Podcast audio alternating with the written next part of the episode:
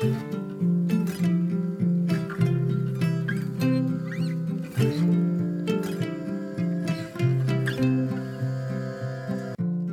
och välkommen till For Health med Anna Sparre. Idag ska vi prata med Bitten Jonsson igen. Vi ska få oss en riktig lektion i hur vår hjärna fungerar och hur vår hjärnas biokemi ser ut.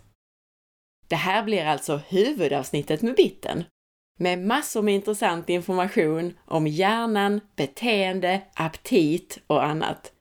Det är alltså för alla, både för den som är sockerberoende och den som inte är det. Vi kommer att prata signalsubstanser, belöningssystemet, biokemisk reparation och en massa annat spännande. Du som tycker att det här ämnet är intressant kan gå utbildningen Beroendehjärnan med Bitten Jonsson i Stockholm den 11 och 12 februari som ges i samarbete med Alpha Plus. Bitten berättar mer om kursen i slutet av intervjun. Och du kan också läsa mer och anmäla dig på www.alfaplus.se. Gå in på utbildningar i huvudmenyn. Eller skicka ett mejl direkt till Alpha Plus med din anmälan det finns också en direktlänk till anmälningen i avsnittsinformationen för det här podcastavsnittet. Om du är nyfiken efter avsnittet så hittar du mer information på forhealth.se. Om du gillar det här avsnittet så blir jag jätteglad om du vill dela avsnittsinformationen på Facebook och gå in i din podcast-app och lämna en recension. Tack på förhand! Och missa inte att du också kan boka mig som föreläsare. Jag föreläser bland annat för företag och privata grupper.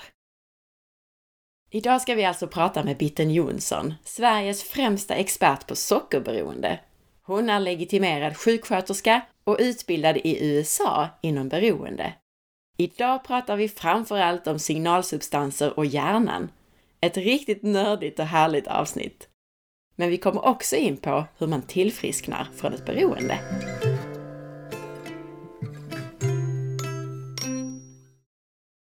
Vi ska rulla in på det spännande ämnet hjärnan och hjärnans kemi. Ja. Och hur är det egentligen med hjärnans kemi hos en beroende jämfört med en person som inte är beroende? Ja, alltså om man ska väldigt enkelt förklara det så kan man säga att det är väldigt lättrörligt hos en som är beroende. Alltså den personen får ju ett annat reaktionsmönster på en psykoaktiv drog. Och det gäller ju då socker, stärkelse naturligtvis som blir socker. Och eh, alkohol, tabletter, allting. Allt som kan agera som en psykoaktiv drog. Men det är ju inte bara det. Utan idag har vi också en mer komplex bild där vi pratar om processberoende. Det vill säga spel, eh, skärmar, eh, sex och relationer, träning. Alltså det finns ju det vi kallar processberoenden också. Och förut gjorde man eh, ganska stor skillnad mellan de här men det gör man inte längre. För att man har ju sett i forskning att en person som är spelberoende och spelar får ju samma biokemiska effekter på hjärnan som en som tar droger. Konsekvenserna kanske blir lite olika i långa loppet. Men det som sker i alla fall det är ju att man får en oerhört stark effekt av om det nu är ett intagsrelaterat beroende som socker eller alkohol till exempel. Eller processrelaterat då. Så den här personen reagerar, den här hjärnan reagerar mycket snabbare. Och jag har ju tänkt många gånger, jag undrar om det är så att eh, eftersom den unga generationen idag, man brukar säga att så många är skärmberoende eller alltså de går omkring med sina mobiltelefoner och är uppkopplade hela tiden. Om det också kan vara att socker har på något sätt en del i att de inte är närvarande på det sätt som vi tvingades vara när jag var ung. Alltså att de är mer känsliga för beroende. Jag tänker också på Alltså det är ganska komplicerade faktorer när man börjar gå in på tarmflora och näringsupptag och allt det här. Men jag är övertygad om att de här sakerna hör ihop. Men det som händer i alla fall i en beroendehjärna kan man säga att det sker alltså en stor frisättning av signalsubstanser och dopamin är ju en av dem som är involverad i stort sett alla beroenden men även andra signalsubstanser. Eh, och det är det som ger den otroligt behagliga lusten eller effekten av drogen hos en person som då är känslig för det här. Medan en annan inte reagerar på det sättet. Så du får alltså från början en stor frisättning. Eh, och det leder ju då med tiden till att eftersom eh, belöningssystemet är gjort så att du ska ha bara hälften av receptorerna eh, fyllda i en normal situation. Till exempel om du är hungrig och så äter du. Då eh, så är hälften av receptorerna fyllda och har du sex så kanske det är lite starkare påslag. Eh, och när man är förälskad till exempel då är det ännu starkare påslag. Men eh, i de flesta fall, allt det här liksom går ju tillbaka till normalläget och så kommer det igen. Men hos en person då som får en sån effekt av till exempel socker tidigt Eh, så är ju den personen naturligtvis väldigt känslig för att göra om det här. Och i och med att det här då för den här personen som är känslig för det här upplever det här så otroligt behagligt och ljuvligt så kommer ju de att äta mer naturligtvis och ta ännu mer socker och vill ha ännu mer av den här ljuvliga drogen så att säga. Eh, men det som händer med tiden då det är ju att eh, hjärnan kommer att göra något som kallas uppreglering. Det vill säga den kommer att försöka möta det här flödet av så mycket signalsubstanser med att tillverka fler receptorer. Och då kommer den här personen att vilja ha den här höga effekten igen. Alltså kommer den här personen att börja äta mer. Du får ju något som heter ökad tolerans. Det vill säga, du måste ha mer av drogen för att få samma effekt som du fick i början. Och den här toleransökningen är ju någonting som man är väldigt familjär med inom beroendevärlden när man jobbar med det här. Att man vet att det är så. Det är ett fenomen man har studerat i många år, hur den här toleransökningen går till. Men det som också händer med tiden det är ju till exempel en person som har ett sockerberoende äter ju inte så mycket bra näring i övrigt och nu börjar ju också tarmfloran förändras och man börjar alltså man äter ju näringsfattig föda men kaloririk föda kanske. Eh, och det börjar bli en massa också brister på näringsämnen i kroppen. Så man börjar känna av det här och ofta är det ju också så då att det är ju proteinerna som får ta stryk på grund av kolhydraterna. För det är kolhydrater de här patienterna vill ha då. Och proteinerna innehåller aminosyror och aminosyrorna bryts ju ner och bildar då i sin tur signalsubstanser.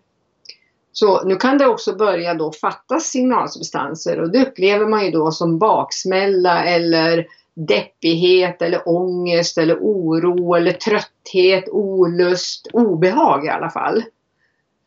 Eh, och då försöker den här personen naturligtvis ta ännu mer av drogen eller försöker sluta och gå in i eh, baksmälla och så mår de ännu sämre och så kanske de faller tillbaka igen och så vidare.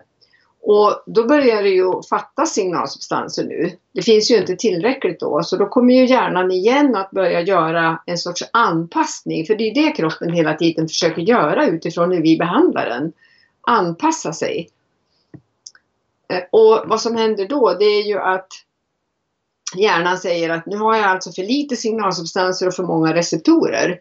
Så då kommer den att nedreglera genom att stänga av vissa receptorer.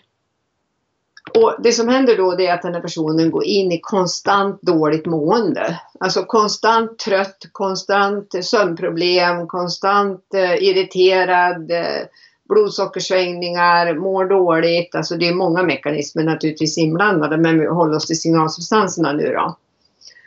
Så nu börjar man må ganska dåligt faktiskt. Eh, och det är naturligtvis tror jag också olika lång tid. Det här kanske kan ta flera år för vissa människor och kanske kan gå fortare för andra människor. Eh, jag vet i alla fall ingen studie där man har mätt tidsperspektivet på det här.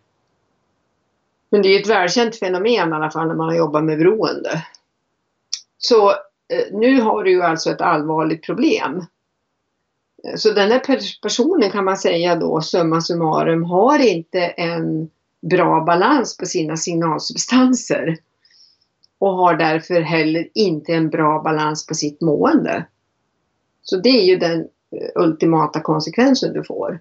Och vilka signalsubstanser som drabbas, det tror jag kan vara olika beroende också på vad man har för medfödd eh, balans eller nivå. En del människor får väldigt snabbt brist på GABA, det vet jag. Och GABA är ju bromsen. Det är ju lugn och ro, eh, djupvila eh, och ångestreducering och ångestbroms. Så många av de patienter jag har jobbat med har ju mått väldigt bra på tillskott av GABA till exempel. Naturligtvis också då tillsammans med livsstilsförändringar. Eh, det kan man ju säga att bara ändra kosten och ge vitaminer eller något kosttillskott, det är ju liksom bara en liten del av hela behandlingskonceptet. Det handlar ju om väldigt många andra livsstilsförändringar som en person med det här behöver göra. Och laga tarmen och ja, allt det där. Men enkelt kan man väl försöka förklara det så i alla fall. Eh, utan att gå in på, jag menar det finns ju många signalsubstanser och om man skulle gå in på var och en av dem så finge vi nog hålla på några dagar och prata. Men man kan enkelt förklara det så i alla fall. Samtidigt så är lyssnarna väldigt intresserade av just det här med kroppens fysiologi och kemi. Så mm. jag mm. tänker i belöningssystemet så ingår ju bland annat eh, signalsubstanserna serotonin, dopamin och endorfin. Vill du mm. berätta lite om dem och deras olika egenskaper? Ja, dopamin, det kan man säga är lite av dirigenten. Och dopamin är ju extremt viktig för att vi ska ha energi och få saker gjorda. Alltså vi brukar ju skoja, man har en sån där dag när ingenting är kul. Då brukar man säga i Hälsingland att man har inget bli av. Alltså det blir inget av. Det är ja, skojgrejen det. Eh, och man kan lika gärna säga att man kanske har lite dopaminbrist. För dopamin är alltså otroligt viktig för att vi ska må bra, vara i balans, vara alerta på hugget, eh, vilja göra saker, för koordinationen, eh, det här med att komma igång. Och jag tänker på så många människor som har då en övervikt på grund av att de inte har fått hjälp med sockerberoende. Och så kanske de möter någon sån där hurtfrisk morots eh, joggingskogalning du vet, som säger ah, men det är bara att äta morötter och ut och springa.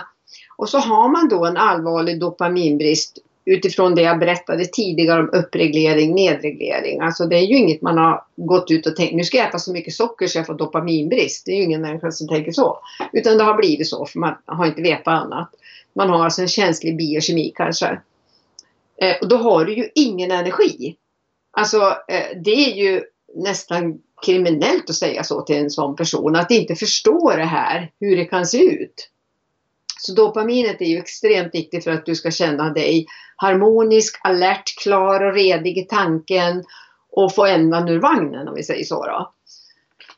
Eh, så har man för lite dopamin så tar man inte på sig promenadskorna och går ut. Det kan jag säga. Och det är fascinerande när jag har jobbat med patienter och vi har lagat den här biokemin. Vi har återställt tarmfloran, vi kanske har, har sett till att kosten har kommit in så att de har fått tillräckligt med aminosyror och börjar få upp produktionen igen.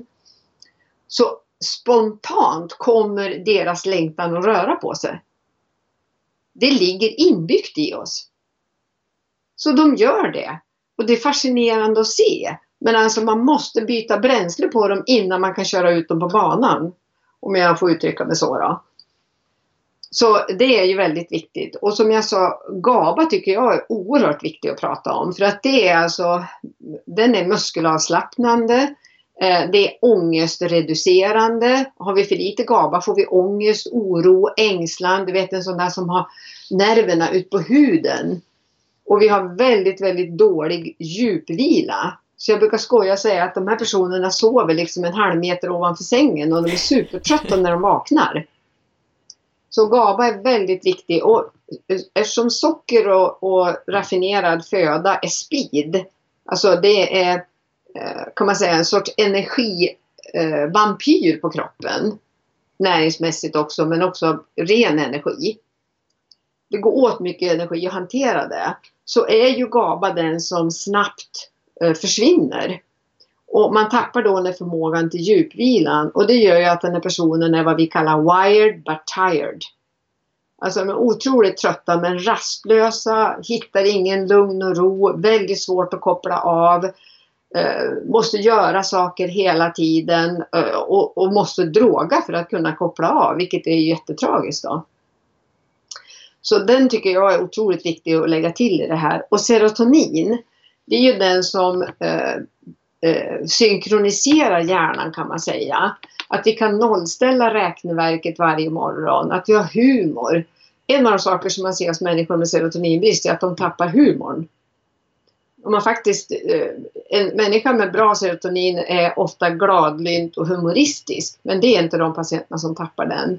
Och de är nedstämda och liksom saker är grå, grå, grå om jag säger så. Och endorfinerna, det kan man säga kroppens lyckohormoner. Och endorfinerna står för väldigt mycket. Eh, man vet också att endorfin, eh, en bra nivå på endorfin, då har du en bra smärttröskel, både fysisk och psykisk smärta. Så du är mycket mer smärtkänslig både fysiskt och känslomässigt psykiskt om du har en för låg endorfinnivå. Och endorfin frisätts också väldigt mycket av socker tyvärr. För socker påverkar opiatsystemet. Eh, och en annan sak som man ser att människor med eh, endorfinbrist eh, de är ofta väldigt känner sig väldigt ofta som offer och känner sig hjälplösa och maktlösa på något sätt. Så de är också väldigt svåra att få igång om man då inte hjälper dem att höja endorfinnivån. Eh, och jag har jobbat ganska mycket med det här med biokemisk reparation med att använda då olika kosttillskott eh, för att höja de här olika signalsubstanserna. Vilket fungerar utmärkt förutsatt att man lagar tarmen först och att den här personen ändrar kosten först. Och många, eh, det går inte liksom att ta en genväg och bara liksom ta kosttillskott som höjer de här olika eh, signalsubstanserna tyvärr om man inte har en bra tarmflora och bra tarmludd och äter en bra kost. Men om man har det, då går det alldeles utmärkt att göra det. Och sen har vi ju ytterligare en som jag tycker är viktig att nämna och det är oxytocin. Som är liksom eh, stora lugn och ro-systemet. Eh, och eh, en, en person som har oxytocinbrist har ju väldigt ofta en sorts uh, obehagskänsla som är svår att definiera. De, de säger ja, men det, det, saknas något. Jag vet inte vad som är fel. Jag kan inte riktigt sätta fingret på vad som är fel. Men det känns inget bra och de kan känna sig ensam även tillsammans med andra människor och de känner sig bara off liksom. Uh, och det finns ju inget kosttillskott som kan höja oxytocin men vi vet av erfarenhet att om vi jobbar med att höja de andra som vi har pratat om då så följer oxytocin med och sen är ju oxytocin eh, några av de saker som är väldigt bra där. Det är ju väldigt mycket lugn och ro, meditation, bön, stillsamma promenader och framförallt närvaro av djur. Alltså hundar och katter är ju helt fantastiskt att höja oxytocinnivån och även att snosa på bebisar kan man göra. Så det finns väldigt mycket, alltså att höja signalsubstanserna handlar inte bara om kost och kosttillskott utan man kan också påverka dem med väldigt många andra saker. Dofter, färger, eh, beteenden, alltså meditera, eh, alla möjliga saker. Och du nämnde innan att du använder dig av tillskott ibland eh, i form av GABA. Är det så också att du använder dig av till exempel tryptofan för att bilda serotonin och tyrosin för att bilda dopamin? Eller hur går det Absolut, mm. absolut. Acetylkarnitin. Mm använder jag. Nej, men det finns en liten grundregel när man jobbar med beroende människor eftersom de väldigt lätt är wired and tired. Deras biokemi är lite känsligare än vanliga människors. Så får man vara väldigt försiktig och ge någonting som påverkar gaspedalen innan man har lagat bromsen. Jag brukar skoja och säga att man kan ju inte skicka ut en Ferrari på banan om inte den har någon broms.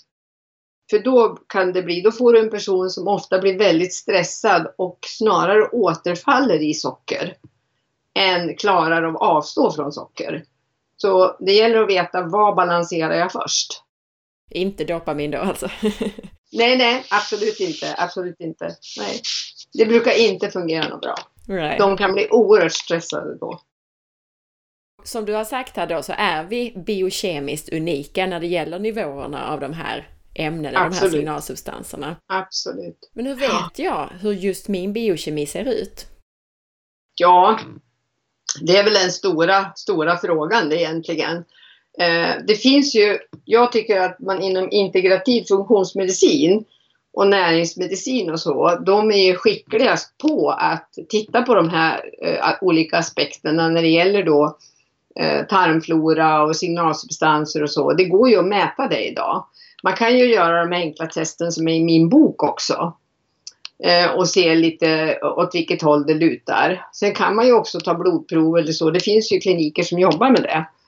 Eh, men eh, det svåra kan ju vara också när man har drogat länge på en psykoaktiv substans, som om man då under många år har ätit fel, så kan det vara lite svårt att veta i början.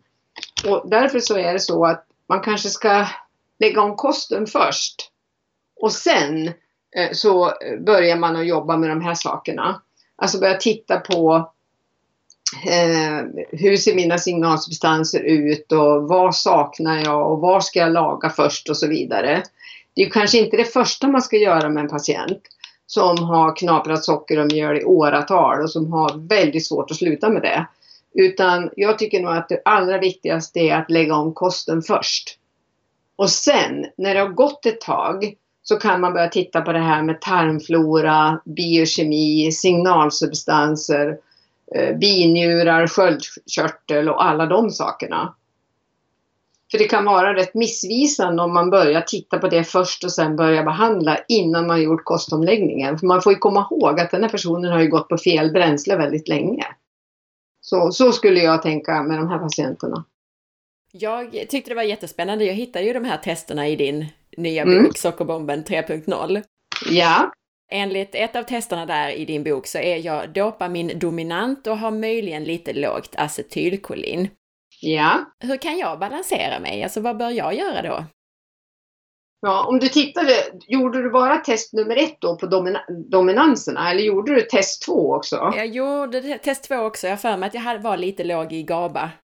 Lite låg i GABA, ja. ja. Men alltså när det gäller dominanserna, är det liksom, är det inte skyhöga diskrepanser. Alltså vi säger att en ligger på 12 och de andra, en ligger på 40 och de andra på 25. Alltså om det inte är skyhöga sånt så är det ju bara att det är din personlighet. Grattis ungefär.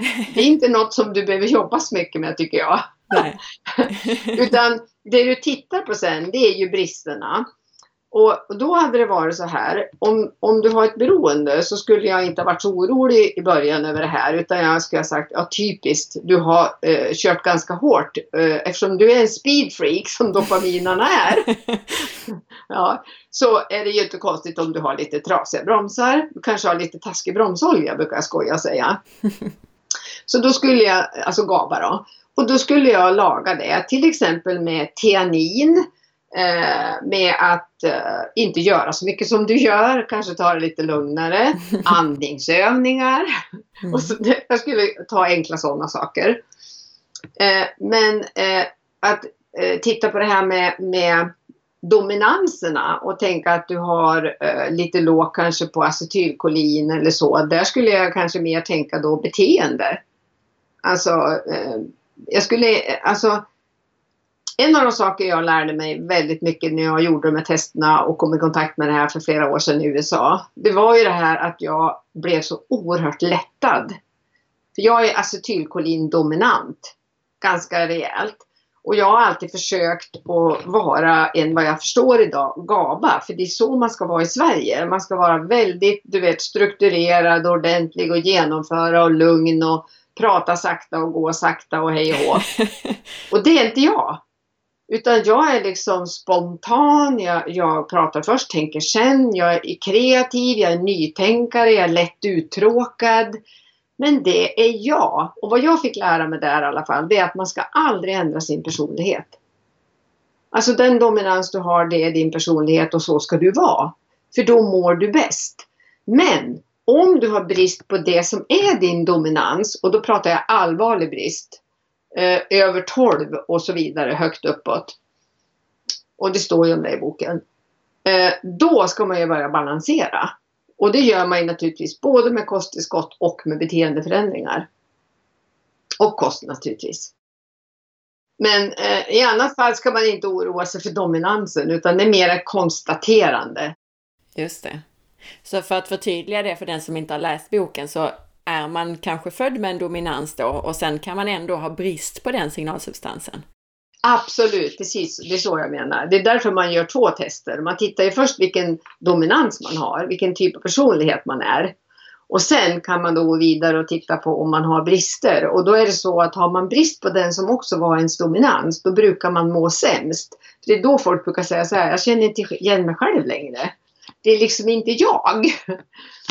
Eh, och då kan man börja balansera det så att de mer kommer i kontakt med den eh, unika personlighet man har då. Med det här i åtanke, finns det några typiska saker i biokemin hos en beroende?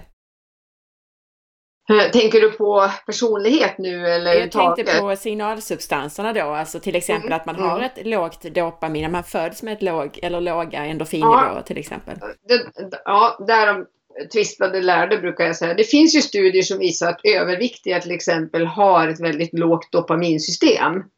Men eh, när man då har läst om uppreglering och nedreglering så det var ju ingen som visste hur det såg ut när den personen föddes. Eh, om det nu har uppstått på grund av drogen eller om det fanns innan. Mig vetligt finns det inga sådana studier där man har klart gjort det på en stor grupp barn och sen tonåringar och sen vuxna och tittat på de som då har drogat och de som inte har drogat. Vad är skillnaden?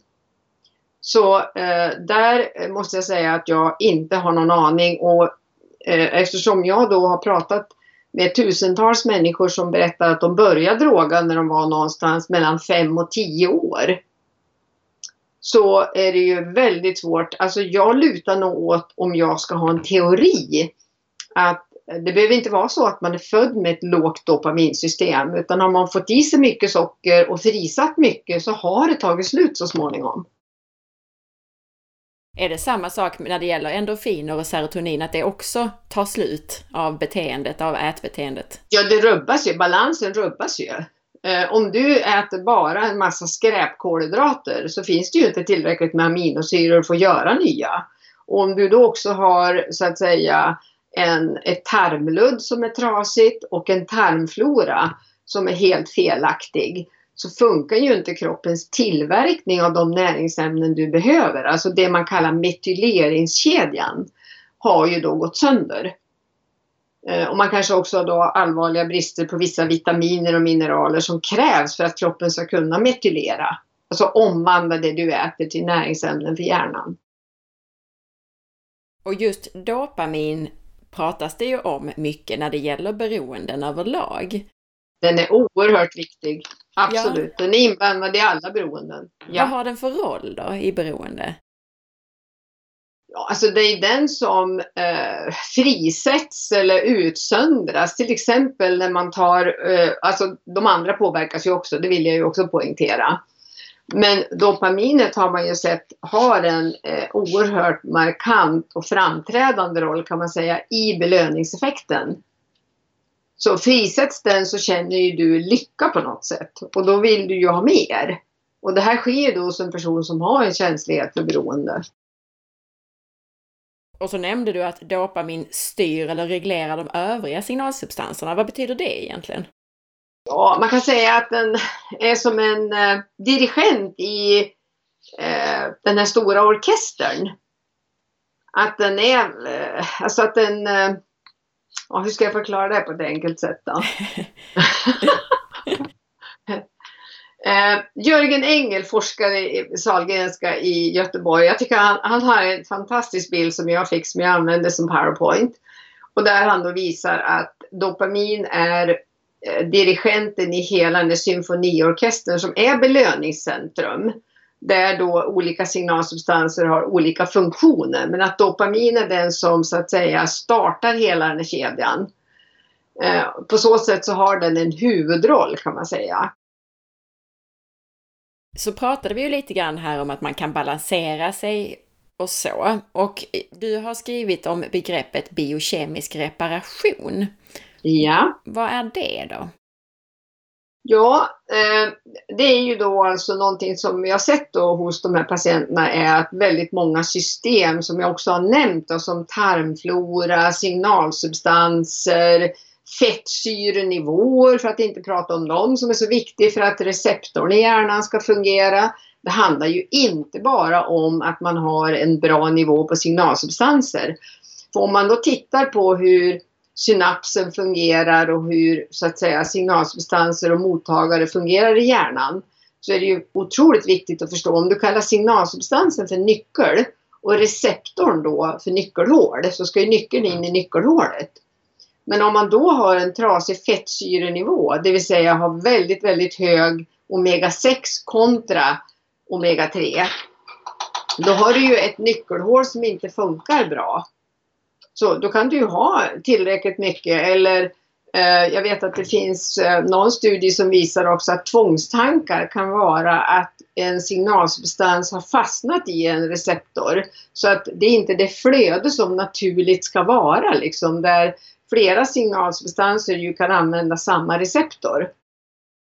Det gäller ju även för hormoner naturligtvis i hjärnan. Det är ganska komplicerade områden här men så funkar det i alla fall. Men biokemisk reparation det är ju i alla fall, eller som man i USA kallar det för never nutrient therapy.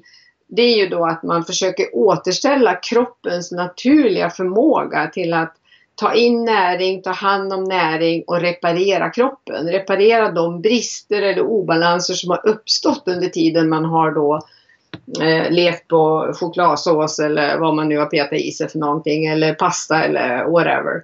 Alltså man får ju också komma ihåg att de här patienterna då eh, deras craving har ju lett till att de äter ju eh, alla kanske inte äter kopiösa mängder men alla äter väldigt, väldigt näringsfattig föda. Eh, och det klarar inte vår kropp. Så du har ju massor med vitaminbrister, mineralbrister, fettsyreobalanser, signalsubstansobalanser, problem med tarmludd, problem med eh, eh, dysbios, alltså tarmens flora och så vidare och så vidare. Och det här påverkar ju både eh, dig fysiskt, psykiskt, socialt och även andligt alltså. Du får ju konsekvenser på alla områden. Det blir ju ofta en väldigt eh, aggressiv eller negativ eller eh, person som liksom inte orkar med eh, vardagen och livet på det sätt man ska. Alltså det, ingenting är kul och allt är jobbigt och du det enda liksom lilla Lisa du har det är det för stunden när man tar drogen. Och det är ju ingen utveckling i det kan man säga. Så det är vad vi gör när vi jobbar med biokemisk reparation. Men viktigt att veta att eh, det är otroligt viktigt eh, att förstå att kosten är ju den stora, stora ingrediensen i det vi kallar biokemisk reparation. Och även livsstilsförändringar som eh, alla mina patienter har fått. Nummer ett har ju varit att träna andningsteknik. För väldigt, nästan alla mina patienter överandas. Alltså du vet man andas för mycket och för fort. Mm. Ja, vi har haft både Anders Olsson och en annan Anders, Anders Lönedal här som har pratat om andningens betydelse. Åh, oh, vad underbart! Ja, det är precis. De, de flesta känner till det. Ja, oh ja, absolut. Det är den jag använder. Så att kosten, det är tillskott, det är andning. Är det någonting, ja det är såklart mer. Ja, det är, väldigt mycket beteendeförändringar naturligtvis. Jag brukar säga det och jag skriver om det också att Eh, behandling för sockerberoende så är kost och till exempel kosttillskott då, det är ungefär 10. Och 40 det är ju faktiskt då att förstå tanke, känsla, handling. Alltså den tanke, känsla, handlingsmönster som själva beroendet har utvecklat. Det vi kallar addictive personality eller beroendepersonligheten. Och 50 det är gemenskap med andra i samma situation, alltså gruppstöd. Och det här har man ju upptäckt liksom i USA när det gäller andra tillstånd som patienter med diabetes och hjärtsjukdomar också. Att lekmannagrupper eh, har alltså, du har dubbelt så stor chans att tillfriskna om du tillhör en lekmannagrupp. Där du får stöd och peppning när det känns tungt. För det vet man ju också att de flesta människor klarar ju att göra en livsstilsförändring. Men när det handlar om att faktiskt fortsätta att leva så, du vet att vidmakthålla, det är det som är det svåra. Att vidmakthålla en livsstilsförändring och fortsätta att göra det här nu dag ut och dag in framöver, det är det som är det tuffa. Och jag gissar att det är där grupper som AA och OA och alla de här Absolut. bitarna kommer in. Ja, tolvstegsgrupperna har ju ett bästa track record någonsin av att hjälpa människor att vidmakthålla en livsstilsförändring. Vidmakthålla att komma ihåg att man faktiskt har den här sjukdomen och vidmakthålla, alltså lära ut tillfrisknande faktorer för hur vi ska klara av att göra det här en dag i taget resten av livet. För många tänker så här, men gud, hur ska jag, alltså får jag aldrig mer äta det där eller får jag aldrig mer göra så eller, och vi tränar ju in att så kan man inte tänka. Eh, det är värdelöst för då stupar det ju innan det ens har börjat. Utan det viktiga är ju att tänka så här, ja men det är bara idag. Precis som när man tänkte när man höll på att banta då så tänker man att ja men nu har jag ju sabba idag, då är det lika bra att jag fortsätter ett tag till och äter. ja, och, nu, och det är ingen idé att börja nu för nu är det jul och nyår och det är ingen idé att göra det. Och så, och så kanske man äter upp sig de här 30 kilona man gick ner för att man tog en kaka eller någonting. Och istället så har jag vänt på det och så tänker man så här, ja ja, men vad som än händer ska jag inte äta idag. Bara idag. Alltså jag lovar ingenting imorgon, men bara idag. Och du anar inte hur många dagar, veckor, månader, år man kan leva så. Det går helt utmärkt att göra så. Ja. Och vi hade My Westerdahl, LCHF-ingenjören, hon har varit ja. med ett par gånger och pratat och berättat ja. just det här som du beskriver nu. ja, precis. Ja. Det är jätteviktigt att lära ut det där. Och det är mycket av den här peppningen vi gör i den här gruppen på Facebook då. Mm. Jättebra mm. att du nämnde den, att det finns, det kan ja.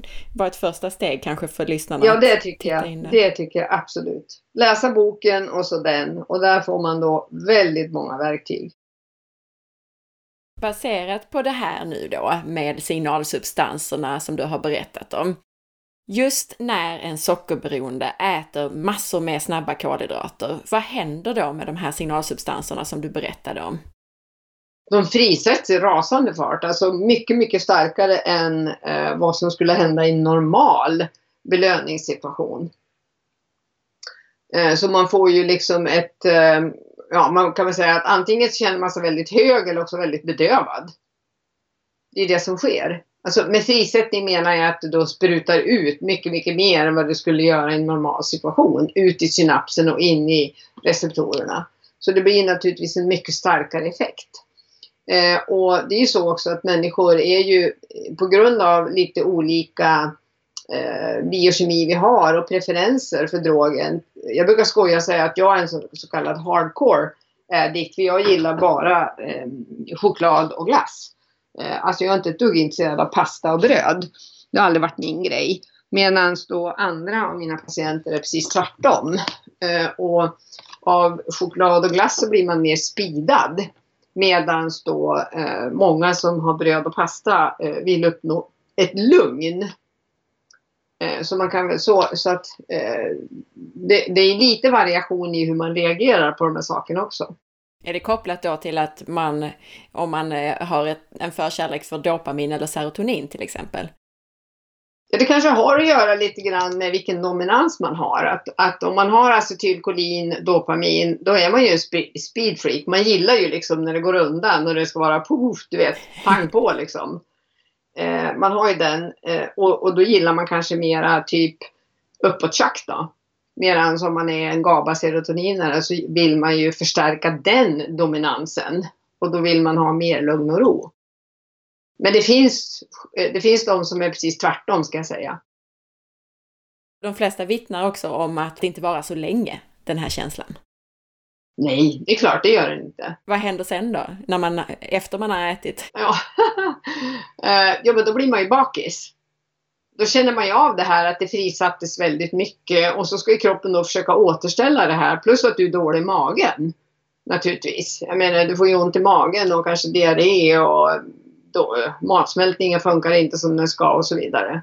Så det är ju liksom, man får ju hela tiden vara medveten om helheten och inte bara stirra sig blind på en signalsubstans eller så, för så enkelt är det inte. Och det har ju att göra med blodsockersvängningarna, hyperinsulinemi och så vidare. Det är en massa faktorer som spelar in när man äter den här typen av föda.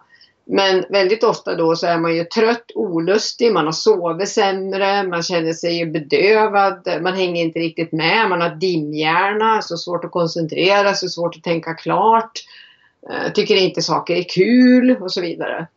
Och vad man gör då det är ju att fortsätta att droga naturligtvis. Man, det är ju för att då, det tar så, då tar man sig återställare. Så då uppnår man kanske ett lite bättre mående en stund. Och på, så här går den här jakten till, dag ut och dag in för många människor. Och de mår då fruktansvärt dåligt, men har inte kraften att bryta eller be om hjälp att bryta. Vet inte vad de ska göra. Eh, så jag vet inte hur många människor jag har träffat som har hållit på så här år ut och år in tills man är så slutkörd att man liksom kraschar. Och då först kanske man söker hjälp. Och då är det ju också naturligtvis att inse att det här är ju ingenting man fixar eh, på några veckor. Utan vi brukar säga att det tar minst 12 till 18 månader att läka en sån här allvarlig biokemisk obalans. Eh, en dag i taget. Och det tar många år att komma ut ur djungeln. Alltså ett sånt där eh, ett beroende, eh, ett, ett beroende som man kanske har haft i många år. Alltså det tar ju kanske flera år att få en riktigt, riktigt bra stabil balans. Men det är inte så att man går omkring och mår dåligt i flera år innan naturligtvis. Men många återfaller ju och blir ju väldigt ledsna när de återfaller. Men vi brukar bara säga att eh, det är bara att kliva upp på bussen igen. Och vi jobbar ju också väldigt mycket med återfallsprevention, återfallsbehandling, att förstå vad återfall är och så vidare. Så att man eh, lär sig varningssignalerna och att man lär sig risksituationer. Vad är mina risksituationer och vilka strategier ska jag ha då? Och vad är mina varningssignaler?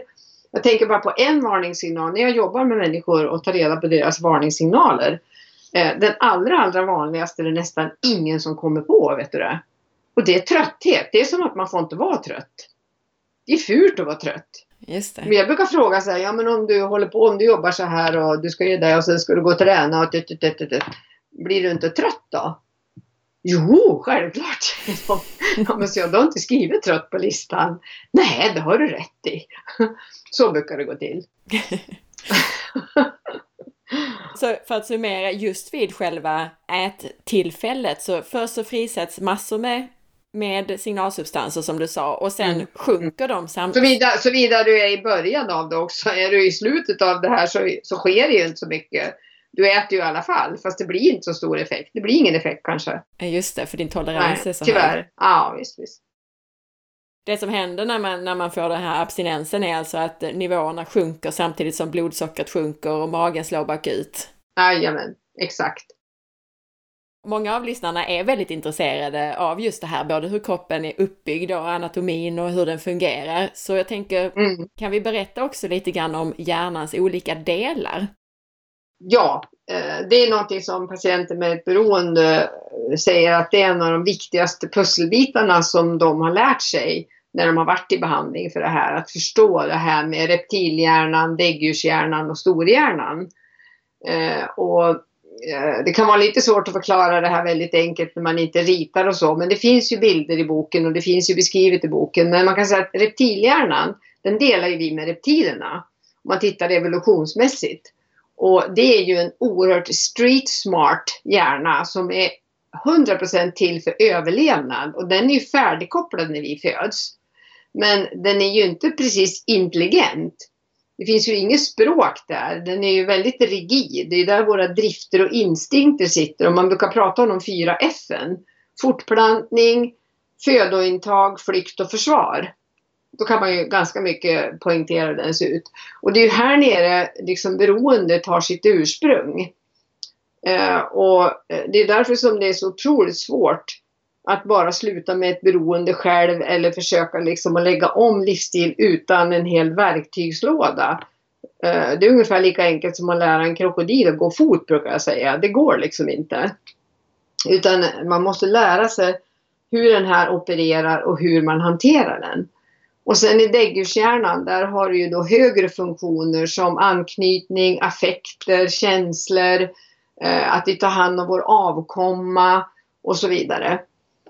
Så den ser man ju då däggdjuren. Eh, och eh, där finns ju också det här området för förstärkning. Eh, du vet liksom om man, om man alltid har haft lyckokänsla när man har fått glass så kanske man är som Pavlovs hund när man hör glassbilen brukar jag säga. Eller man reagerar på olika reklam eller olika situationer. Där har du det fenomenet. Det sitter ju i den delen av hjärnan. Och sen har du ju då storhjärnan där vi har alla våra högre funktioner. Eh, och den, eh, det är där du har liksom eh, sin, våra sinnen och vår förmåga till empati och kärlek och vår förmåga till eh, eh kreativitet, fantasi, eh, om det finns en gud eller inte finns en gud, eller existentiella frågor och så vidare och språk och alla möjliga högre funktioner. Och många av oss tror ju liksom, det är där förnuftet sitter bland annat och strategiskt tänkande och planering och logisk tanke, tankeförmåga och så vidare. Många av oss tror ju att det är, det är den som är i, i action hela tiden, men det är det ju inte. För problemet är ju att reptilhjärnan kan ta över de andra två. Det är då man har den här cravingen, cravingen och den här besattheten och inte kan tänka klart. Det är därför som många säger så här, ja men det är väl bara att ta sig i kragen och äta lite. Ja, men det går inte om reptilhjärnan har tagit över. För då är du verkligen inne på det här med krokodil och lära den gå fot. Och då har ju patienterna fått en stor verktygsbit här när man förstår att när du är i reptilhjärnan så är det ju liksom inte förnuftet som funkar att tänka med. Utan du måste få hjälp att dämpa den delen och aktivera de andra. Och det är därför vi använder vissa sätt att jobba, vissa tekniker, vissa olika övningar som vi ber patienterna göra. Som till exempel att lugna ner med andningen. Eh, då först så kan man liksom eh, gå förbi reptilen. Och bara det här som vi säger att skvallra på sjukdomen. Alltså det är ju något som är oerhört effektivt. Att när en patient är i craving eller Eh, liksom i smyg planerar vad de ska äta eller någonting. Om de ringer och berättar det för någon annan eller går på ett möte och berättar det så försvinner kraften. Eh, vi skvallrar på sjukdomen. Det är en av de effektivaste sätten att hålla den här eh, sjuka delen i schack eller lugna ner den. Och vi, det är den vi kallar röda hund i boken då, för att liksom Eh, Eh, patienter ska ha något att arbeta med och förstå att jag är inte min sjukdom. Jag är mycket, mycket mer än min sjukdom, men jag har en sjukdom. Jag har en beroendesjukdom. Och jag behöver verktyg att hantera den. Annars tar ju den över. Jag tyckte det var så spännande när du beskrev det här med hjärnans delar i boken. Jag kunde riktigt se framför mig hur, när man är i ett beroende, hur man på något sätt skalar av lager för lager. Att först så eh, försvinner så att säga de övre funktionerna och hjärnbarken, det ja, sätts ur funktion precis. och sen, sen däggdjurshjärnan ja. och till slut så är man där i sin reptilhjärna. Ja, ja, och det är många människor som vuxna människor som alltså i, i, kan säga alltså ja, 45-50 äldre som blir väldigt chockade när de ser och hör det här och som kan uttrycka så här, tänk jag har ju nästan bara levt mitt liv i reptilhjärnan, att överleva. Jag har bara överlevt, jag har aldrig levt. Det är ett uttryck som vi ofta hör, mm. vi som jobbar med det här. Och det är ju oerhört tragiskt. Mm. Något annat som du beskriver väldigt spännande i boken är relationen mellan några olika hormoner när vi äter socker, mellan grelin, dopamin och insulin och hur den relationen kan sättas ur spel av sockret och annan processad mat. Kan du beskriva det för lyssnarna?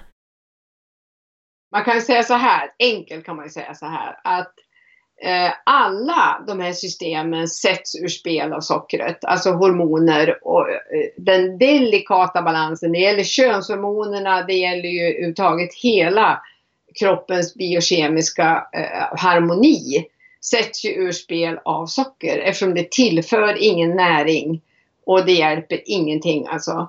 Och det som händer här då, det är inte bara grelin, det är också leptin. Eh, och det som händer ofta det är ju att eh, det börjar ju då med någon form av, eh, alltså i och med att jag sa ju tidigare att de här patienterna jag har jobbat med, nästan alla av dem har ju haft Eh, börjat alltså och knarka när de var mellan 5 och 10 år. Det kan man se när man gör den här eh, kartläggningen som jag pratade om tidigt som heter Sugar. Eh, där man kan då göra en beroendeutvecklingskurva som du också har ett exempel på i boken. Eh, visar vi en sån. Där man kan se hela sitt liv. Alltså hur, när kom de första symptomen och hur har den här sjukdomen progredierat? Och då kan man ju se att väldigt ofta startar det ju då med en, eh, en ökning av insulinet. Eh, alltså en hyperinsulinemi. Och det startar ju då blodsockersvängningarna. Då hinner ju inte grelin och dess effekt med. Och det som händer då också det är att om den här personen börjar lägga på sig vikt, då är det ju ett annat intressant hormon som eh, ska finnas i fettvävnad som är liksom kroppens, eh, eh vad ska jag säga, eh, bränslemätare. Och det är leptinet då. Och det som händer då det är ju att leptin ska ju då signalera, eller först om vi tar insulinets roll då. Eh, om, om det produceras för mycket insulin så klarar inte cellen av att ta in, ta emot allt insulin utan den utvecklar något som vi kallar för resistens. Alltså den svarar inte på alla insulinmolekylerna. Och insulinets roll är att öppna receptorn för att sockret ska in i cellen och bli energi. Då. om det sker, då kommer ju kroppen att ehm, eh, det, det utvecklas ju då en övervikt kan man säga, alltså en, en cell som, som har för mycket näring. Sockret omvandlas till fett. Och då hormonet leptin kommer ju med där då.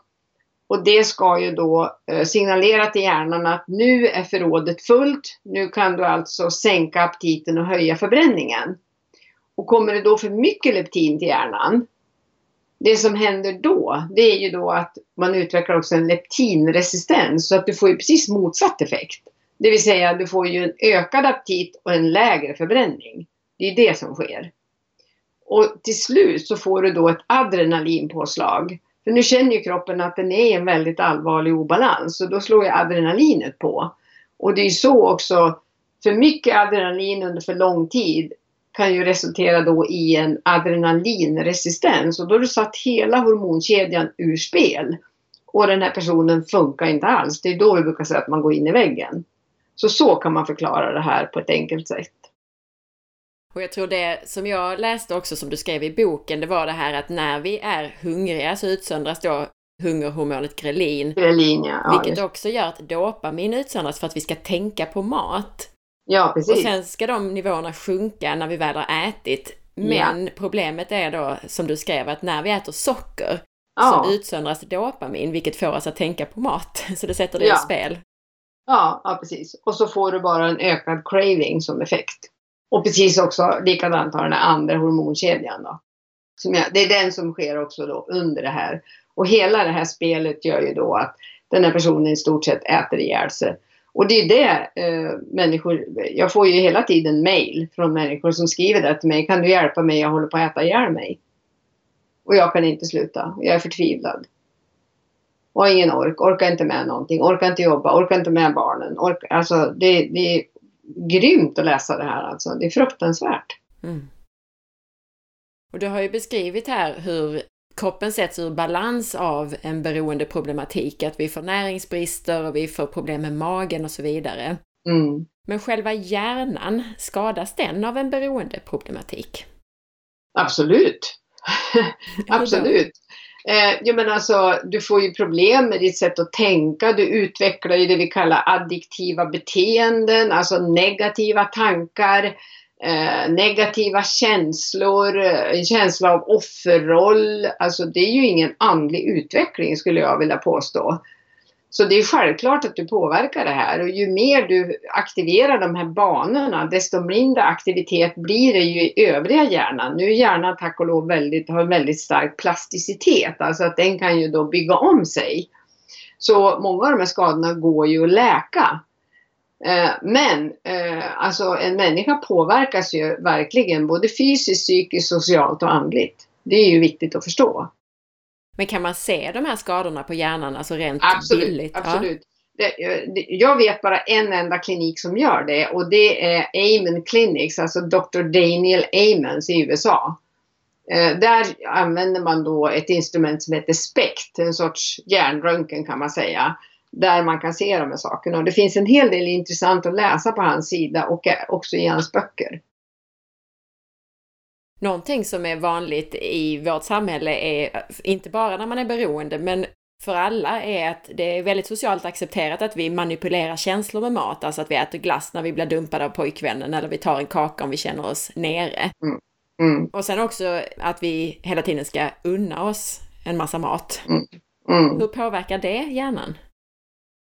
Eh, många av de som gör det behöver ju inte vara en eh, beroende person. Det, behöver man, alltså, det är ju inte säkert att det är det, men alltså, det är ju på bekostnad av att utveckla andra copingstrategier. Naturligtvis. Och det finns ju en industri bakom också som verkligen med alla medel vill att det är det vi gör. Eh, men jag ser det som väldigt farligt för att Eh, vi säger då om någonting skulle hända där du inte kan äta de här sakerna eller göra det här och så har du inte utvecklat andra copingstrategier som att hantera känslor på ett sunt och normalt sätt genom att prata om dem och kunna härbärgera dem och så, så kommer du att börja använda andra strategier. Att projicera känslor på andra människor till exempel eller eh, vara en väldigt bitter och negativ person eller tycka synd om dig själv och ha varit i en offerroll vilket inte leder dig framåt och så vidare. Så att jag tycker inte att det är en smart strategi att göra så. Så det är på bekostnad av andra copingstrategier. Och jag tror att ska man må så bra som möjligt så bör man ha så många copingstrategier som möjligt för olika situationer i livet. Eh, och en annan sak som det skapar, som jag också skriver om i boken, det är ju falska känslor. Alltså falska känslor är ju orsakade av en obalans i biokemin. Då pratar vi hela biokemin. Eh, det finns ju, kommer ju jättemycket spännande forskning nu om mikrobiom och tarmfloran och allt det här och hur det påverkar psyket och att depression det är egentligen en inflammation. Det är inte alltid serotoninbrist och så vidare. Så eh, jag menar näringsfattig mat och felaktig mat så att säga leder ju till de här problemen. För att summera det som vi har pratat om här kan man säga att det är både biokemin som vi föds med och livsstilen som avgör om vi blir beroende? Ja, man kan säga och miljön, alltså vad du får i dig. Alltså jag skulle vilja säga så här, arv, medel och miljö. Det är väl ett bra, en bra summering tycker jag. Det vill säga arvet, vad har du för biokemisk känslighet? Sen har vi ju nya eh, forskningen runt epigenetik som jag tycker är oerhört spännande. Alltså hur miljön påverkar eh, genernas utveckling då. Men eh, alltså vi föds ju alla med någon sorts eh, ja, vad ska jag säga, biokemisk status då, om man säger så. Eh, och vissa är känsligare än andra, det kan man ju klart konstatera. Och sen måste det ju finnas medel. Alltså det kan ju vara då om man sätter en skärm i händerna på dig när du är tre år och bara, eh, du vet istället för att hantera saker på ett annat sätt. Jag tänkte på det när du sa om mat. Många tröstar ju ungar med TV och skärmar också. Och det är ju lika tokigt det som med mat. Eller fel mat om man säger så. Att mat ska ju naturligt bara vara bränsle tycker jag. Eh, och sen har vi då miljön, alltså att det, det, finns en miljö där det här är tillåtet. Och tittar vi på socker och mjöl så är ju det alltså en extremt eh, tillåtande miljö. Alltså jag menar, eh, om man, jag tycker det är intressant när jag tittar i den här gruppen på Facebook då otroligt många som tycker att omgivningen är jättejobbig. För omgivningen har ju så mycket åsikter om varför äter inte du det och när ska du börja äta som vanligt igen och vad är det för fel på dig och kan du inte bara ta lite och dat, dat, dat, dat. Eh, så miljön är också väldigt viktig. Eh, där skulle vi kunna göra jättemycket tycker jag inom skolor och överallt där vi skulle kunna förbättra eh, åtminstone matmiljön om jag säger så. Eh, det ska inte vara det här unna sig hela tiden och varför ska det alltid vara mat man ska unna sig? Eller ja, om det var riktig mat var det inte så farligt men skräp då? så visst, det finns jättemycket att jobba med på det området. Väldigt mycket. Du nämnde begreppet dimhjärna innan, alltså svårigheter mm. att tänka klart. Vad, ja. vad beror det på att sockerberoende ofta upplever det? Ja men det beror ju på det här med signalsubstansobalanser och kanske fettsyreobalanser och, att, eh, och framför allt blodsockersvängningarna. Och jag menar vi är vana att prata om lågt blodsocker eller högt blodsocker. Men inom beroendemedicin eh, i USA pratar man ju också om volatile blood sugar, alltså kraftigt svängande blodsocker. Och det kan ju framkalla allt ifrån ilskeutbrott, riktigt rejäla otäcka ilskeutbrott och våld till panikångest, självmordstankar, olust, eh, alla möjliga konstiga känslor. Och det finns ju ett kompendium det finns ett litet appendix förresten bak i boken. Vi har plockat fram och tagit med då en massa olika symptom som kan eh, vara orsakade av kraftigt svängande blodsocker. Och hjärnan är ju som en bil med, du vet, det måste vara konstant bränsleinsprutning. Den klarar inte att blodsockret åker kana upp och ner, högt och lågt, högt och lågt. Så dels är det ju det, att liksom bränsletillförseln kajkar ju. Det är för mycket och för lite och för mycket och för lite. Eh, och dels är det ju då, har det ju att göra då med näringstillförsel och signalsubstanser och fettsyrebalans. Så där har du ju kombon som gör då att du får det här eh, som vi kallar dimhjärna. Eh, och, och tittar du också på symptomen för utmattning så är ju symptomen väldigt, väldigt lika. Ja. Mm. Så det är de symptomen vi ser då. Och det har jag haft många patienter säga till mig när de då har varit i tillfrisknande i kanske ja, eh, sex, åtta veckor så säger de att liksom plötsligt så ser jag klart igen.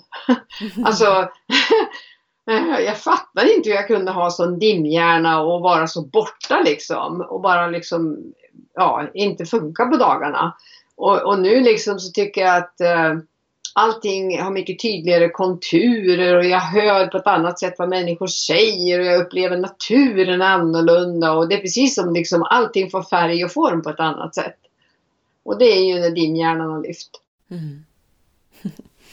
Under tiden som vi har pratat här så har du ju flikat in väldigt mycket kring hur man faktiskt tillfrisknar från ett beroende. Mm. Går det att summera det på något sätt? Hur gör man för att tillfriskna? Ja, eh, sök hjälp höll jag på att säga. Eh, men har man ett beroende, det är allvarligt alltså. Det, det är inte något, eh, liksom, något, jag är bara lite sockerberoende. Nu pratar jag om de som, alltså, som har det här nu då. Utan ta till dig så mycket kunskap det någonsin går och framför allt skaffa dig ett nätverk av likasinnade som har gått före dig. Eh, och gör som de säger, brukar jag säga. gör som de säger.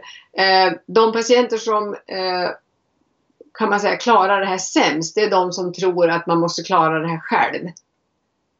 Som inte liksom vill böja sig för de här råden utan de har en stark röd hund, sjukdom som säger ja men du borde ju klara det själv och nu har du, vet du vad du ska äta och då kan du klara det själv och så. Det är de som stupar snabbast kan man säga. Så så kan man väl summera tillfrisknandet. Och även om, som, om du sa att eh, kosten bara är kanske 10% av tillfrisknandet mm. så är det ju en väldigt avgörande del Absolut. det, det. Ja, det kan man säga. Det gäller alla beroenden. Att eh, steg ett är att ta bort drogen. Det finns inget annat sätt att komma runt det. Ta bort drogen. Så länge du tillför drogen kommer ingenting att ske. Du kommer bara gå rundgång. Så funkar det. Och utöver maten, ett par tillskott som du tog upp i boken var eh, niacin, alltså vitamin B3 och vitamin mm. C. Vad, ja. vad har det för roll i en beroendekropp, de två? Ja, B3 niacin, eh, om man har brist på det och sen stressar, vilket ju många av de här personerna, de är ju väldigt stressade för de har ju inte en bra eh, energinivå. Så väldigt små saker är stress för dem. Alltså, de upplever saker, livet väldigt stressigt. Och har man då inte tillräckligt med B3 niacin så bryts inte stresshormonerna ner på det sätt de ska utan det blir en extra belastning för kroppen. Så B3 är ju också ett naturligt antidepressivt. Många tycker det är väldigt obehagligt att ta för man får den här rushen. Du vet, man eh, känns som man har ramlat ner i en brännässelhög när man har tagit det. Och det undviker man genom att ta det med mat och ta det i bara väldigt låg dos. Max 100 milligram säger jag. Man ska inte ta starkare. Och införa kanske en om dagen och bara ta det väldigt försiktigt då. Så den är väldigt viktig. Och C-vitamin, brukar jag skoja och säga, det är liksom, uh, ja nu är inte Ajax det bästa rengöringsmedlet i världen. Man tar gästdiskmedel på en fet yta. Men alltså C-vitamin har ju otroligt många funktioner i kroppen. Men alltså det är ju en väldigt, väldigt viktig vitamin. Mm. Som höjer immunförsvaret och balanserar tarmfloran och för, för läkning och ja, men eh, jag kan inte nog sjunga dess lov höll jag på att säga. Men de två är ju väldigt viktiga. Och sen brukar jag också rekommendera att man tar en bra fiskolja. Och att på vintern ta extra D-vitamin. Och gärna magnesium till natten. För magnesium tappar man ju väldigt fort när man är stressad och äter dåligt. Vad ska man tänka på när det gäller sammansättningen av måltiden? Som sockerberoende så är vi ju väldigt kolhydratkänsliga. Så det viktiga är att äta så ren mat som möjligt. Alltså du vet inget färdiglagat och göra det enkelt. Nu håller vi på och skriver en kokbok också Pia och jag som vi förhoppningsvis ska ge ännu mer enkla bra verktyg till patienter med det här problemet. Eh, men eh, alltså jag brukar säga så här, alla ska ha bränsle men olika bränsleblandning. Om man är osäker så kan man kontakta någon av terapeuterna på min hemsida och få en måltidsplan. Men annars är det ju väldigt viktigt med grönsaker, protein och fett. Det är ju huvudmaten på tallriken. Och sen är det ju då individuellt. En del är extremt kolhydratkänsliga och vill inte, ska inte, mår inte bra på rotfrukter eller liknande saker. Medan andra kan ha lite rotfrukter i maten eller ja, eh, typ den typen av bra, nyttiga kolhydrater då. Eh, och det där måste man nästan känna sig fram till. Eh, vad man mår bra av. Och det är därför jag också brukar säga det att, att föra matdagbok det är ingen dum idé. Och många tycker åh nej stöd, jag vill inte hålla på med matregistrering. Men jag säger det är inte matregistrering. Utan det handlar om en kärleksfull dialog med din kropp. Jag menar har du nu petat i den en massa skräpmat under lång tid så kan du väl ge den en chans att lyssna på den tänker jag. Alltså skriva ner det du äter och sen se hur du mår av det och inse också att det tar tid. Alltså det är ju inte så att du första dagen du har ätit bättre mat kommer att allting vara hunky nästa morgon. Eh, du frågade mig efter särdrag hos beroende personer. Ja, en sak kan man säga att det var inget tålamod. man ska helst gå ner 40 kilo på tre veckor och så ska allting vara bra sen. Och så enkelt kommer det inte vara kan jag säga. Eh, men det är ju här man peppar varandra i gruppen till exempel. Eh, men eh, sen så är det ju bra, man ska inte äta en massa mellanmål för det är bara att trigga aptiten. Utan man måste låta kroppen vila mellan måltiderna så att man hinner återbilda saltsyra och enzymer och liknande som ska ta hand om och bryta ner nästa måltid. Så det tycker jag känns också jätteviktigt att veta att eh, i början kanske man äter tre måltider och ett litet kvällsmål.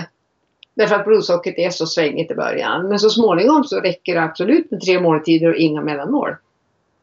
Mm. Det är också tror jag ett påhitt från industrin att man ska äta sex gånger om dagen. Ja, och det är klart man behöver det när man har ett blodsocker som svänger som en berg Exakt, exakt. Och det innebär ju att du har sex gånger du ska ut och möta den här sjukdomen, monstret inom dig, där du riskerar att så att säga återfalla eller fortsätta droga. Är det något särskilt som man ska tänka på att inte kombinera i sin måltid? Uh, nej, alltså uh, om man håller sig till grönsaker, protein och fett mm. och mycket små mängder kolhydrater för den som tål det. Så uh, absolut. Så det är inget som jag kan säga att man ska undvika att göra då. Och naturligtvis då ska det vara bra fetter som smör, kokosfett och olivolja tycker jag. Och du nämnde ju den här eh, matdagboken som ett verktyg. Finns det Absolut. andra verktyg som är särskilt viktiga att man börjar använda direkt? Andningen. Andningsövningarna. Att man läser på det och gör det och tejpar munnen på natten, tycker jag. Eh, och att man förstår det här med överandning. För att andningen är ju, alltså just om man har craving eller känner stress, att då göra de här andningsövningarna, träna in dem och verkligen göra dem, det är oerhört effektivt alltså. Och eh, bra andning är också effektivt på förbränningen. Eh, och att dricka vatten, vi brukar ju säga det också att eh, kolhydrater binder ju mycket vätska, så när man då drar ner på kolhydraterna markant här nu, då är det ju viktigt att man tillför vätska till kroppen så att man dricker men däremot tror jag inte heller på det här att man ska gå och sippa vatten stup i ett, alltså klunka hela tiden. För då förstör du ju mycket enzymer och bra ämnen i munnen. Det är bättre att ta och dricka ett stort glas vatten mellan måltiderna då. Och inte dricka med måltiderna. Det kan också vara bra, för många kastar ju i sig maten och sköljer ner halvfärdig, halvtuggad mat. Så det här också att man tuggar långsamt och att man vågar möta maten som vi säger. Att man sitter kvar och äter och njuter av att äta sin måltid utan att bli besatt. Det är ju fantastiskt bra att öva på. Och när du nämnde matdagbok här innan så tänkte jag på någonting som jag själv använder väldigt mycket, även med de som inte är sockerberoende. Bara det att göra en förändring så, så brukar jag alltid säga att det som måste till, det är en plan. Att man måste planera för att annars så går det inte att göra en förändring. Precis, precis. Jo men det säger vi också. Eh, det här med liksom att bara gå vind för våg och inte ha mat hemma eller inte veta om jag jobbar imorgon, var ska jag äta lunch eller ska jag ha matlåda med mig eller så. Det funkar ju inte. Utan man måste ju ha framförhållning brukar jag kalla det. Alltså se till att du har framförhållning. Men en annan viktig sak med det också är ju att eftersom eh, om addicts heller inte har något tålamod så vill de också gärna vara perfektionistiska och det funkar inte alls på det här. Så var rigorös men inte rigid. Det är ett annat sånt där uttryck som är väldigt bra. Bitte, nu har vi pratat så jättelänge med dig. Ja! Wow! Men det är så spännande, jag hade så mycket frågor till dig. Så att jag, tack så jättemycket för all den här faktan. Varsågod, det var jättetrevligt att bli intervjuad. Och vill man nu veta ännu mer så kommer du ju att hålla kurs snart. Berätta ja, lite precis. om det. Ja, jag kommer att hålla en två dagars kurs då uh, i Alpha Plus regi i februari i Stockholm. Och det finns information på min hemsida och även på Alpha Plus hemsida om den kursen. Så det är en lördag, söndag. Så välkommen dit säger jag. Och det är den 11 till 12 februari, eller hur? Jajamän, precis. Mm. Vem ja. är den för? Uh, den är ju tänkt för människor som ska jobba med människor som har det här problemet. Men om man har det här problemet och vill i alla fall få en liten inblick i den så tror jag att man kan våga sig på att gå den faktiskt. Mm. Mm. Man lär sig en massa. man får mig. mer verktyg. Ja. Det kan jag tänka mig att man kan under två dagar få ut väldigt mycket av dig. Hur hittar man dig då? Vad är adressen till din hemsida? Bittens addiction, alltså bitten med två T och så ett S och så addiction stavas med två D som i David och ett C, addiction. Så bittensaddiction ett ord.com. Och boken heter Sockerbomben 3.0. Ja, det heter den. Och den finns på blad by blad. Om man kan beställa den på blad by blad. Eller den finns i bokhandeln också. Är det någonting som du vill summera eller sammanfatta eller några sista kloka ord du vill lämna lyssnarna med? Ja, det jag skulle vilja säga det är ju att om du eh, tror att du har ett problem med det här, eh, be om hjälp. Alltså omge dig med likasinnade. Börja prata med någon annan. Du har ingenting att skämmas för. För kom ihåg att det handlar inte om dålig karaktär, svaghet eller lathet på något sätt. Det handlar om biokemi. Och det finns en sån enorm frihet i att lära sig det här och förstå mekanismerna och framför allt att skaffa nya verktyg. Så välkommen in i gänget! Tusen tack igen då! Men tusen tack! Det var jättetrevligt att prata med dig.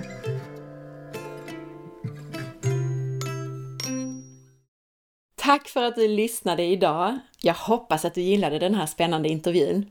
Missa nu inte nästa vecka, för då kommer Mattias Ribbing och ger oss superbra tips för hur 2017 blir ett år fyllt av mindre stress, men mer effektivitet.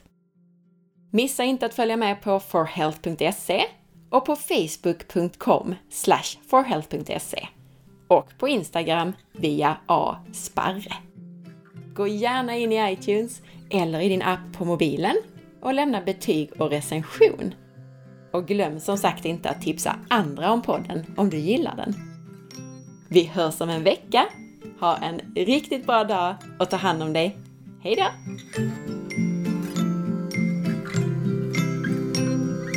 då!